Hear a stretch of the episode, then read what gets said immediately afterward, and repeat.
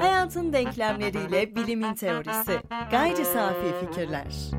Gayri safi fikirlerin 30. bölümünden merhaba. Herkese merhaba. Bu bölümde toplumda çokça yankısı olan bir konudan bahsedeceğiz. Aslında hepimizin başına gelen ya da hepimizin dahil olduğu bir sohbetten bahsedeceğiz. Bilimsel düşünceye, eleştirel düşünceye uzak bir e, kesimle girilen diyalogda oluşmuyor bu durum. Ama bilim iyidir ama bir yerde de özel durumlar olduğunu bilmek gerekir diyenlerle geçen tartışmalarda oluşuyor bu. Bu bir yer nerededir? Yani bilimin e, durup düşünmesi gereken yer nerededir? Bilimsel düşüncenin durması gereken yer nerededir diye düşününce aslında bu inançlarla fikirlerin kesiştiği kısma biraz daha yakın gibi geliyor bana. Yani e, şeye benziyor biraz bu. Özgürlük güzel ama benim özgürlüğüme temas etmediğinde yani ne zaman temas edecek başkasının özgürlük sınırlarına, ne zaman bilim durması gerektiği yeri bilmeli, nereye nüfuz edebilir, nereye nüfuz edemez. Bu tip bir sınır jandarmalığında yetki kimde? Ee, tabii bilimin en önemli özelliklerinden biri, tabii şöyle hemen düzelteyim, bilimselliğin en önemli özelliklerinden biri henüz bilmiyorum diye bilmesi ve e, kendisinin genişlemekte olan bir sınırı olsa bile bir sınırı olduğunu kabul etmesi. İşte bu olumlu özellik üzerinden şöyle bir eleştiri e, geliştirilebiliyor veya bu olumlu özellik bilime karşı kullanılabiliyor bazı durumlarda. Evet işte o bilmiyorum dediğin yer var ya işte oraya karışma. Orası hakkında başka alanlar söz söyleyebilir. Çünkü senin orada söz söyleyemeyeceğini bizzat kendi arkitektoniğin veya da e, bilgi kuramsal epistemolojik temelin söylüyor şeklinde e, bir iç eleştiri söz konusu. Tabii burada şöyle bir şey var. Ee, acaba her şeyi bilmek durumunda mıyız? Yani bilimin bize sınır çektiği kendisiyle beraber henüz bilmiyoruz sınırının arka tarafına mutlaka bir açıklama modeli bir şey koymak zorunda mıyız? Yani şöyle bir anekdot anlatayım. Ee, benim öğrencilerimden benden ders alan e, birisi şöyle bir hikaye anlatmıştı bana başından geçen bir e, olayı daha doğrusu. Kendisi bir anaokulunda öğretmenlik yapıyordu. E, çok fırtınalı bir akşam kararmış. Çocuklar artık eve gitmek üzere ama daha önce görmedikleri kadar fazla e, yıldırımlara şahit oluyorlar ve tabii bunun sesi oldukça ürkütücü o çocuklar için. Ama çocuklardan biri belki kendi özel durumundan dolayı veya belki de aşırı korktuğu için artık fizyolojik bazı tepkiler verebilecek ve tüm dengesi sarsılabilecek kadar korku duymaya başlamış ve e, benim öğrencim o anda ne yapacağını düşündüğünde onu sakinleştirmek için şunu söylemiş. Ee, bak orada yukarıda bir amca var ve bizim fotoğrafımızı çekiyor. Bu gördüğün parlamalar da o flaşın e, ışığı sadece. Ve çocuk o noktadan sonra yani biraz önce artık belki de bir histeri krizine girmek üzere olan çocuk e, her yıldırımda veya işte o her şimşekte e, gökyüzüne doğru bakıp gülümsemeye başlamış. Yani poz vermeye başlamış. Şimdi bu psikolojik bir rahatlama ve kesinlikle doğru bir hamle olabilir. Ama çocuğun tabi temel korkusu aslında orada birinin olması olmaması değil. Kendi dünyasında korkulur bir şeyden onu çıkarıp karşılaştığı fenomeni bilinir ve e, tanıdık bir duruma getirmekti.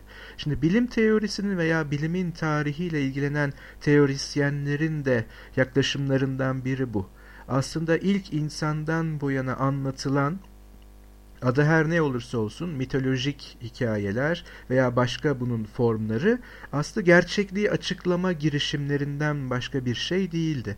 Çünkü e, Aristoteles'le daha önce söylemiştik Francis Bacon aslında uzlaştırılabilirdi. Yani neydi bu iki uzlaştırılabilir yaklaşım?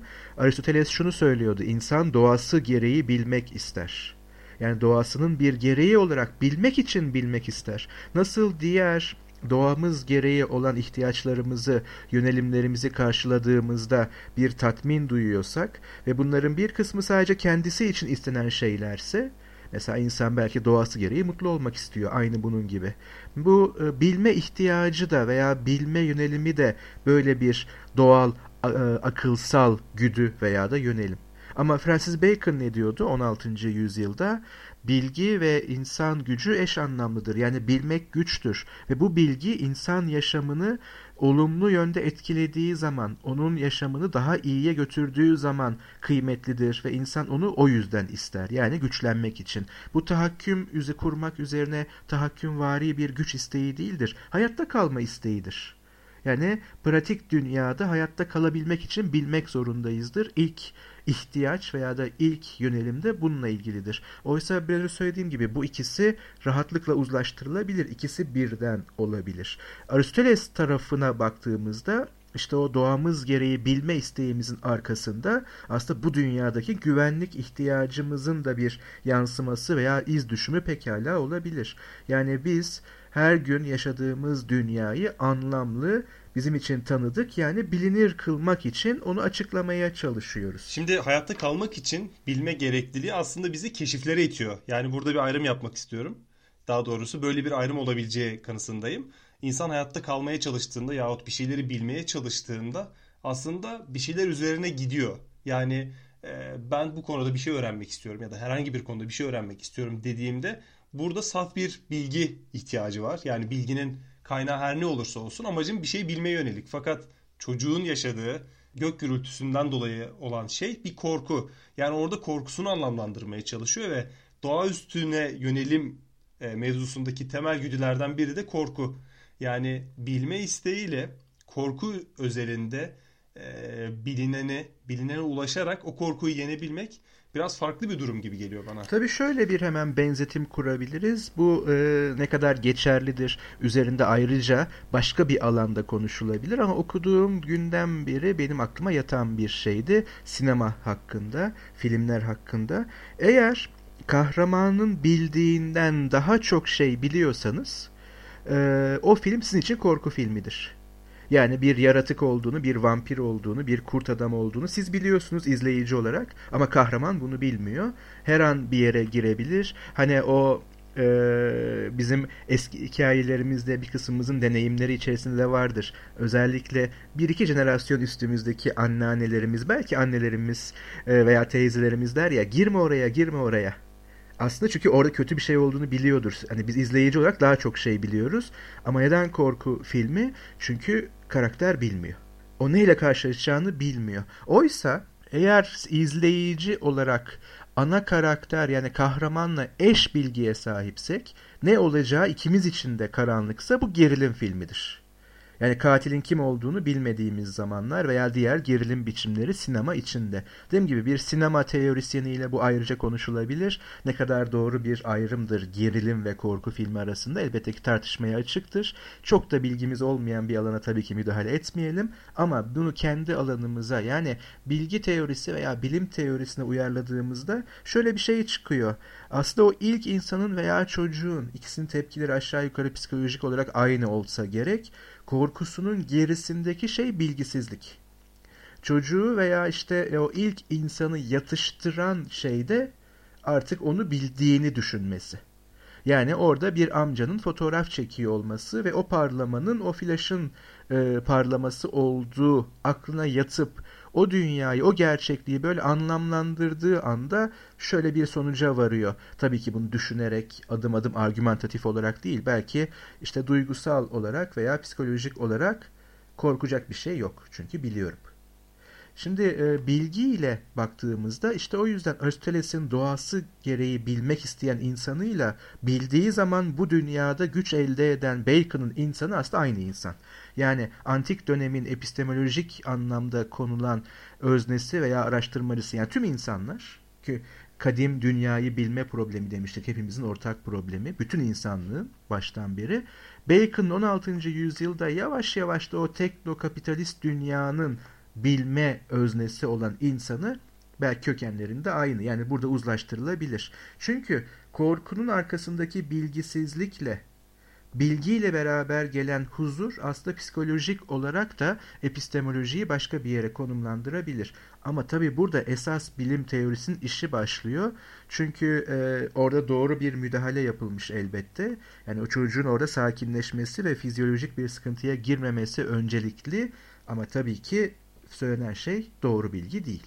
Şimdi bunu bir çocuk olarak değil de e, yetişkin bir insan veya da işte bu dünya üzerinde iki ayak üzerinde düşünen ilk insanlar gibi düşünelim. Eğer şimşek veya yıldırımı böyle şekilde açıklayıp en azından korkusunu yenmiş olsa bile bir gün kafasına yıldırım düşme ihtimalini yükseltmiş olacaktır. Çünkü yıldırımı veya şimşeğin oluşum koşullarına dair aslında bildiğini sanıyor. Hani bilmiyor. Şimdi bilgi nasıl bir şey ki gibisi bile bizi çok rahatlatabiliyor. Peki e, yine temel problemimize dönmüş olacağız o zaman. Hatırlayalım. Bilim teorisi yani Theory of Knowledge veya Theory of Science dediğimiz epistemolojinin 19. yüzyıl ve sonraki kanadının temel problemi neydi? Bilimle bilim olmayanı ayırmak. Yani bir sınırlandırma ayracı koyabilmek. Peki 20. yüzyıldan itibaren bu problem neye doğru evrilmişti? Bilimle sahte bilimi ayırmak yani bilimle bilimmiş gibi olanı ayırmak yani ayracı daha da inceltmek noktasına gelmişti. O halde bu çerçeveden baktığımızda bilgi öyle bir güç ki veya o kadar güçlü ki bildiğimizi sandığımızda bile bizi rahatlatabiliyor. Ama sorun şu, bildiğimizi sanmamızla gerçekten bilmemiz arasındaki farkı neye göre belirleyeceğiz? Çünkü esas Hamlet-vari soru buradan çıkacaktır. Bilmek ya da bilmemek. Hemen karşısında şu var çünkü, olmak ya da olmamak. Biliyormuş gibi yaşadığımız sürece sorun şuraya bağlanacaktır. Olmamak her zaman kapının önünde olacaktır. Birey olarak da, toplum olarak da, insanlık olarak da. O halde bu bilimin sınırları var arkasına geçemediğine göre o arkası hakkında bilim insanlarının söyleyecek bir şeyi olmamalı ve bilim orada susmalı e, doğru bir tespit. Yani henüz bilmediğimiz konu hakkında bilgi terimleriyle konuşamayız. Ama neden sadece bilim insanları susuyor? Yani madem orası bilinemez bir alan, elimizdeki en iyi araç tarafından henüz bilinemiyor. Bunu da hemen altın çizmek istiyorum. Bilim şunu söyler veya söylemek durumundadır bilimsellik kendi ilkeleri gereği. Henüz bilmiyoruz. Belki hiçbir zaman bilemeyeceğiz ama belki de bileceğiz. Yani o henüzün altı çizilidir. Dolayısıyla bir gün bilme ihtimalimiz varsa o araştırma yapılmaya değerdir. Hangi kriterler altında, hangi koşullar altında bunu bilgi dediğimizde biliyorsak bunun dahiline alabilirsek eğer bir gün o alanı biliyor olacağız. Yani kim söyleyebilirdi 19. yüzyılda modern atom teorisi geliştirilmiş ve kabul edilmişken e, o artık aşılamaz neredeyse kabul edilirken atom çekirdeğinin de bölünebileceğini ve o an için bilinemez olan o temel parçacıkların artık temel fizik için günlük bir deney malzemesi olacağını Dolayısıyla bilimin susması gereken alanlar elbette var. Çünkü henüz bilmiyoruz. Ama eğer bilimden susma talebi varsa o zaman başkaları da bilgi terminolojisi içerisinde bunun altını çiziyorum konuşmamalıdır. Yani biliyormuş gibi yapmamalıdır. Peki başka nasıl konuşulabilir? Başka söylem biçimleri elbette ki var. Bilim bunların hiçbirine yasak koymaz. Ama bilimsellik adına bilim bilmiyor ama ben biliyorum diyorsa biri şundan nasıl ayıracağız? Biliyormuş gibi mi yapıyor? Bildiğini mi zannediyor? Hiçbir art niyeti olmasa bile aslında bilmiyor. Yoksa e, acaba başka amaçları mı var? Bu üçü arasındaki ayrımı yapamazsak çok sık bir şekilde kandırılabiliriz demektir insanlık olarak bireyi geçelim. Kandırılabilir olduğumuz muhakkak ama kandırılmak demek yine o olmak veya olmamak sorusunda sıkışmak demek. Bilimsel olanla bilimsel olmayan daha doğrusu doğru bilgiye ulaşıp ulaşmama ile ilgili bir ikna süreci var. Yani kişi ikna olduktan sonra onun e, doğru bilgiye ulaşmadığını ona anlatmak çok da zor değil. Burada da e, aslında iki ayrı kutba ayrılıyor insanlar yahut e, yaklaşımlar. İlk kısımda doğaüstü güçlerin belli bir e, şeyi açıkladığına, belli bir e, durumu açıkladığına inananlar ve bunun böyle olmadığına inanan ve aksini düşünenlerin cahil ve bir noktada aptal olduğunu düşünenler var. Yani buradaki ayrım o kadar artıyor ki bilgiye ulaştığını düşünenler e, çok farklı bir yere evrilirken e, bilginin öyle olmadığını inananlar yani aslında elinde temelde bir bilgi olmayanlar yani e, şöyle anlatabilirim. Belki de bin yıl sonra bizim anlayabileceğimiz fakat bunun arkasında doğaüstü bir güç olmadığını düşündüğümüz ve içten içe emin olduğumuz bir konuda bizim herhangi bir bilgimiz yok. Fakat herhangi başka birinin bunu doğaüstü bir şekilde açıkladığı, bilgi sandığı bir bilgisi var. Biz bunu aslında e, farklı bir yere koyarak, onu aptallık klasörüne kaldırarak bir manada aslında o bilgiyi de e, incelemek konusunda çok da ciddiye almıyoruz. Astroloji böyle bir konu aslında. Yani doğru, ciddiye alınacak belki çok bir yanı yok. Belki de e, çok mühim sonuçlar ortaya atmıyor fakat ona inananlara söylediğimiz şeyler yahut onları koyduğumuz klasörler aslında biraz da bizim o kısmı şarlatanları terk etmemiz anlamına geliyor. Victor Hugo'nun bir alıntısı geldi aklıma. Doğaüstü diye bir şey yoktur. Sadece doğa vardır. Doğa her şeyi kapsar ve her şeyin sahibidir. Doğanın bizim algıladığımız bir kısmı vardır ve diğer kısmını doğal olarak algılayamayız. Bu gerçeği unutarak bu kısmı yok sayarsanız şarlatanlara ve aptallara gün doğar. Eğer bilim bu tip gerçekleri, olayları ciddiye almazsa cehalet onun yerini değerlendirecektir. Şayet insanlığın bilgisini ileriye taşımaktan geri duruyorsanız aptallığı da bir üst seviyeye dolaylı olarak çıkarmış sayılırsınız. Laplace bir adım geriye çekildiğinde Cagliostro ortaya çıkar ve o bir adım ileriye gelir diyor. Burada Cagliostro diye bahsettiği kişi de 18. yüzyılda hatırladığım kadarıyla eczacılık öğrendikten sonra bu bilgileri önce simya ardından da büyücülükle armanlayarak neredeyse tüm dünyayı kendi düzenine uyduran bir manada bir düzenbaz biraz da büyücü bir kişidir. Fakat cahil yaftasında çok aceleci olunduğu için eleştirel düşünceyi yayabilecek, gerçekten ortaya çıkacak bilimsel gerçekler, gerçekleri anlatabilecek bir dinleyici kitlesi oluşturma ihtimali de aslında azalıyor. Ee, tabii doğru ama şöyle bir hatırlatma da yapalım. O senin bahsettiğin bir adım ileri ve geriler hatta tüm bir insanlık ve bilimsel e, düşünmenin tarihindeki iki adım ileri bir adım geriler bazen çok çok adım gerilerin hepsinin temelinde en azından bildiğimiz kadarıyla tarihsel olarak bir adım var ki işte o adım bizi hala gerçeklikte tutuyor. O da Thales ve en az onun kadar anılmaya değer olan Anaximandros'un yani iki hemşerimizin, milletli hemşerimizin, iki doğa filozofunun söylediği veya ortaya koyduğu şeyler. Onların Thales'in dediği şey şuydu. Anaximandros'la diyaloğundan tabii ki e, tarihsel bir diyalogtan hani eş zamanlı olsa bile o çıkan şey şuydu. İnsan aklı yani insan gerçekliği yani doğayı hiçbir aşkın unsura gönderme yapmaksızın bilebilir. Şimdi bütün bir doğa bilimi geleneğimiz ve genel olarak bilimsellik geleneğimiz işte bu adımın üzerinde hep o ileri adımları ve geri adımları attı. Gerileri tabi üzülerek söylüyoruz ama tarihte böyle hani gerçekleşti veya geçmişimiz böyle gerçekleşti. Şimdi bu adımdan geri düşmediğimiz sürece Hiçbir problem yok. Ama demin söylediğim gibi bilgi terimleriyle konuşmak veya konuşmamak demiştik.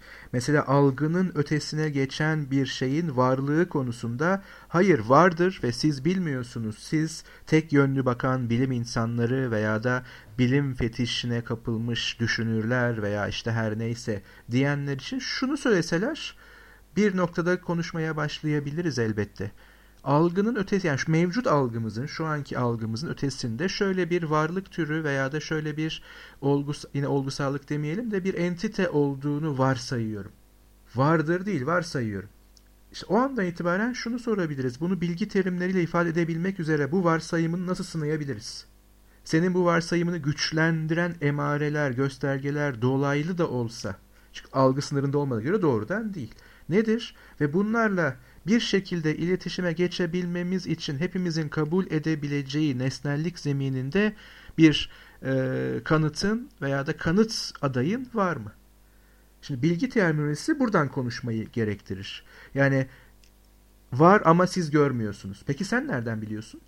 Soru buradan gelecektir. Şimdi burada da tabii e, hemen o algı sınırlarını dikkatli ölçmek gerekir veya dikkatli bir yere koymak gerekir. Çünkü algı sınırı olarak günlük hayatımızdaki kullandığımız doğrudan beş duyumuzu dersek şu ana kadar o beş duyunun doğrudan kullanımıyla hiçbir aracı kullanılmaksızın atom gören kimse yok ama atomlar var. Kaldı ki atomların temel yapı taşları olan çok daha küçük bir dünyada parçacıklar da var. Varsayımsal olarak değil varlar çünkü deneysel olarak da bunu gördük. Ama deneysel olarak gördük ne anlama geliyor? Demek ki algı sınırlarımıza girmiş. Diyelim ki e, Galileo'dan bahsetmiştik. Ondan bir örnek verelim. Güneş lekelerini şimdiye kadar çıplak gözüyle gören çok az kişi vardır ve onlar da büyük bedeller ödemiştir muhakkak ki. Peki Galileo araya ne koydu ki o da bir bedel ödedi. Bu gözlemleri yüzünden ileri yaşlarında gözlerini kaybetmiş olsa bile teleskop veya da mikroplar veya bazı küçük organizmalar tabii ki varlar ama doğrudan görmedik. Mikroskopla gördük. Yani yine algı sınırı içerisinde mevcut algımızı neyle sınırladığımızla da ilgili.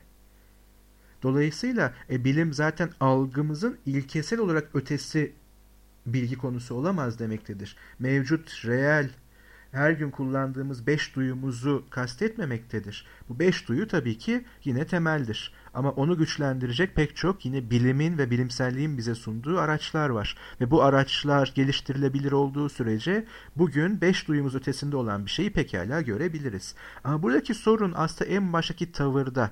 Buradaki bir varsayım her zaman için bize yeni ufuklar açabilir. Yeter ki o varsayım ilkesel düzeyde dahi sınanabilir olsun. Ama sorun şu, daha önce bahsetmiştik Galileo kompleksi denilen bir şeyden. Yani Galileo tek başına Engizisyon'un temsil ettiği çoğunluğa karşı haklıydı. Ama haklı olmasının sebebi tek başına olması falan değildi. Gerçeklik öyleydi. Şimdi ikinci bir örnekte şu yani her azınlıktaki fikir böyle bir e, o an bilim de olsa, bilimsellik de olsa çoğunluğa meydan okuyan fikir sadece azınlıkta diye doğru değildir. Veya mutlaka dinlenmesi gerekir diyemeyiz. Ama tersi de geçerlidir. Ee, burada ismini anmak istemiyorum ama çok popüler oldu son bir ay içerisinde ülkemizde bir dolandırıcılık hikayesi. Oraya neden para yatırdınız diye sorulduğu zaman bir tanesi şunu söylemişti. Bir süre bekledik binlerce kişi para yatırınca dedik ki bunların hepsi aptal olamaz biz de yatıralım. Ama sonucu biliyoruz. Yani bir gerçeklikle ilişkimizde azınlık, çoğunluk olmak hiç önemli değil. O bir kişi de aptal çıkabilir, binlerce kişi de aptal çıkabilir. Çünkü baştan beri söylediğimiz gibi bilimsellik gerçeklikle bir ilişki kurma biçimidir. Gerçeklikle ilişki kuruyoruz. Her şeyi herkes biliyor fakat senden gizleniyor. Çünkü çok düşük bir azınlık bunu biliyor. Biz de zehirlenmemiş o azınlığız diyen de var. Çoğunluk her şeyi biliyor. Çoğunluk asla yanılmaz diyen de var. İkisinin de aslında dayandığı çok sağlam noktalar var kendi içerisinde. Çünkü o kadar keskin e, köşelere sahip ki siz onu tutup rasyonel zemine oturtamıyorsunuz. Ya elinizi kolunuzu kesiyor ya da kişi zaten sizi yanınızdan uzaklaşmış oluyor. Fakat az önce tartışmaları gerçekten medeni bir seviyede yaşatmaya çalıştın. Fakat bu çok mümkün değil. Yani algı sınırında olmayan ve e, buna inanan bir kişinin e, bunu eleştirel düşünceye inanan kişiye anlatması konusunda algı sınırında olmayanları bilgi terimleriyle anlatmasından bahsettin. Bunu nesnellik zemine oturtmak gerçekten çok zor. Çünkü bu tip inançlar bu tip durgun sularda yüzmeye çok uygun değil. Var görmüyorsunuz, sen bilmiyorsun, sen bilemezsin çünkü çakraların kapalı. Sen nasıl bileceksin bu enerjiyi? Benim işte yakınım görmüş. Benim dedemin dedesinin dedesi de bunu görmüş. Çünkü onun da işte gece rüyalarına bir, biri girmiş. Onu böyle etkilemiş. Bize gelmiş bu. Yani çok kuvvetli bir analoji var ve ben buna görünmeyenin güvencesi diyorum. Bu durumlarda özellikle batıl ve doğaüstü konulardaki inançlarda çok fantastik bir hal var ve bu fantastik düşünce görünmeye inan, görünmeyene inanmanın temel ihtiyaç olduğu korku ve acziyetle kendini dolduruyor. E, kuvvetli analojiler, tarihsel atıflar, e, kimi kralların yaşadığı kimi örneklerden sonra başımıza gelenler, görünmeyen inancı besleyen hikayeler bunlarla dolu. Fakat bilimsel gerçeklik daha az süslü. E, bilimsel zeminde bunu anlatabiliyor musun? Bilgi kuramıyla tartışabiliyor muyuz? Yani çok sıkıcı. İnsanlar bunlarla uğraşmak istemiyor. Daha ilgi çekici, daha heyecan verici, biraz da hormonlarımızla oynayabilecek örnekler lazım. Örneğin manyetik ışınları anlamak için sıkıcı sayfalara bakmaktansa bunun ilahi bir gücün tezahür olduğunu düşünmek gerçekten benim için bile daha heyecan verici. Çünkü çok vakit almıyor. Vakit almamasının ötesinde ben bunu düşündüğümde ilginç bir şey düşündüğüme kani oluyorum. Yani basit bir bilimsel veriyi okumaktansa şöyle baktığımızda gerçekten de çok ilginç. Tıpkı bu yüzden de bu tip durumları haber yapan bazı haber kaynakları e, bu tip olaylarla karşılaşan sıkıcı bilim insanlarına şoke olma rolü veriliyor, veriyor. Yani siz o kadar çalışıyorsunuz, hiçbir şey beceremiyorsunuz. Zaten sıkıcı işlerle uğraşıyorsunuz. Bakın doğada öyle bir gerçeklik var ki, doğaüstü gerçeklik. Siz buyurun hiçbir şey yapamıyorsunuz bari şoke olun diyorlar. Ee, hemen onu e, altını çizelim. Buradan da bunu esas e, çok güzel anlatan Tevfik Uyar'a da bir selam olsun. Bilim insanları şoke olmaz, şoka uğramaz. Bilimdeki baskın e, güdü şok olmak değildir veya böyle bir şey değildir. E, o konuyu daha sonra tekrar konuşuruz elbette. Ama hemen şunu söyleyeyim yani bilimin sıkıcı olduğu neyle göreli olduğuna bağlıdır onun e, gerçeklikle ilişki kurarken tek anlamlı bir dil kurması, terminolojisinin olması zaten bu gerçeklikle kurulan ilişkiyi pekiştirmek ve onu hep sağlam tutma amaçlıdır. Amaç bilmek zaten, eğlenmek değil. Ama şöyle bir şey de var. E, gelin o müthiş buluşu yapan insanlara veya o araştırmaya tüm ömrünü vakfetmiş bilim insanlarına e, değdi mi diye sorun. Emin olun ki değdi diyeceklerdir ve çok eğleniyorlar aslında. Laboratuvarlar sıkıcı yerler değil. Kütüphaneler sıkıcı yerler değil. Orada aslında herkes okuduğu kitapla eleştirel bir diyaloğa giriyor. Bir çok fazla ses var. Sadece biz duymuyoruz. Algı sınırımızın ötesinde belki de öyle bir gönderme yaparsak. Ama esas mevzuya gelecek olursak komplo teorileri yani ee, çok az kişi bunun farkında. Bu bilerek ve isteyerek saklanıyor bütün insanlardan. Biz o çok az kişilerden biriyiz farkında olan ve sizi uyandırmaya çalışıyoruz diyenler. Yani komplo teorisine kendi dayandırır ama komplo teorilerinin de bir özelliği vardır. Tamamen akıl dışı değillerdir. O zaman zaten komplo teorisi olmazlar. Yani sizi bir yerden kavrayabilecek ya aslında akla yatıyor diyeceği bazı doğrular, yarı doğrular, çeyrek doğrular, büyük yanlışlar ve büyük palavralar içerirler. Ama o bazı doğrular, yarı doğrular hatta çeyrek doğrular o işte size attığı o çengeldir, tutar hala. Onlar üzerinden ya evet aslında akla yatıyor deriz. Ama e, ben başka bir bağlamda da bunu tekrarlıyorum. E, sadece görünen bilimsellik veya da o e, popülerize edilmiş okur yazarlık, bilim okur yazarlığı üzerinden değil bizzat bilimin içindeyken bile akademik bir makaleyi, bilimsel bir makaleyi diğer yazımlardan ayırt eden en önemli şeylerden biri şudur. Bilimsel yazım içerisinde ve bilimsellikte hiçbir zaman şapkadan tavşan çıkmaz. Bir bilimsel makalenin daha özetinde, abstraktında ya da girişinde zaten sonuç yazılır. Bunu araştırdım, bunu buldum. Şimdi nasıl bulduğumu anlatıyorum. Ki siz de bunu sınayın, deneyin, eleştirin doğruyu bulalım beraber diye. Yani şunu söylemeye çalışıyorum. Eğer son satıra kadar katilin uşak olduğunu saklayabiliyorsanız mükemmel bir polisiye yazarısınız. Çok iyi bir edebiyatçı olma yolundasınız ve buradan yürüyün. Bu insanlığın ihtiyacı olan bir şey. Bilimcilik yapmamak gerekiyor. Yani her şey bilim olacak değil. Sanat çok önemli bir bizim gerçeklikle ilişki kurma biçimlerimizden bir ikincisi. Ama dikkat edin bilgi terimleriyle konuşmaz ama sonunda bilginin yolunu açabilir. Özellikle sosyal bilimlerde. Ama e, eğer siz herhangi bir bilimsellik iddiasıyla yani bilgi terimleri içerisinde önce meseleyi pişirip sonra herkesi hazırlayıp şapkadan tavşanı son anda çıkarıyorsanız bir yerde bir sıkıntı var demektir bilim açısından. Çünkü dilin içinde kalıyorsunuz. Siz başka bir yere oynuyorsunuz. Siz duygulara veya da bir şekilde heyecana, meraka başka tür bir merak, işte o şoke olma anının merakını oynuyorsunuz. Oysa bilimsel merak kategorik olarak biraz daha farklı. Bilme isteği.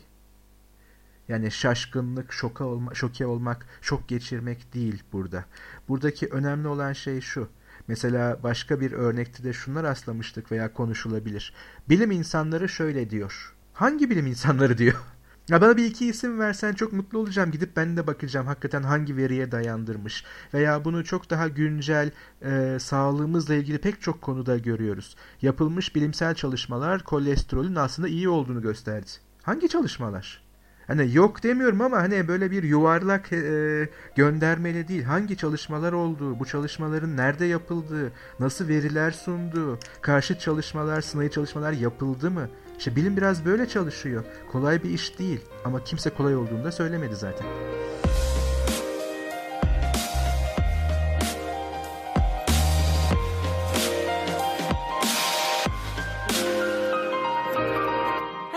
denklemleriyle bilimin teorisi.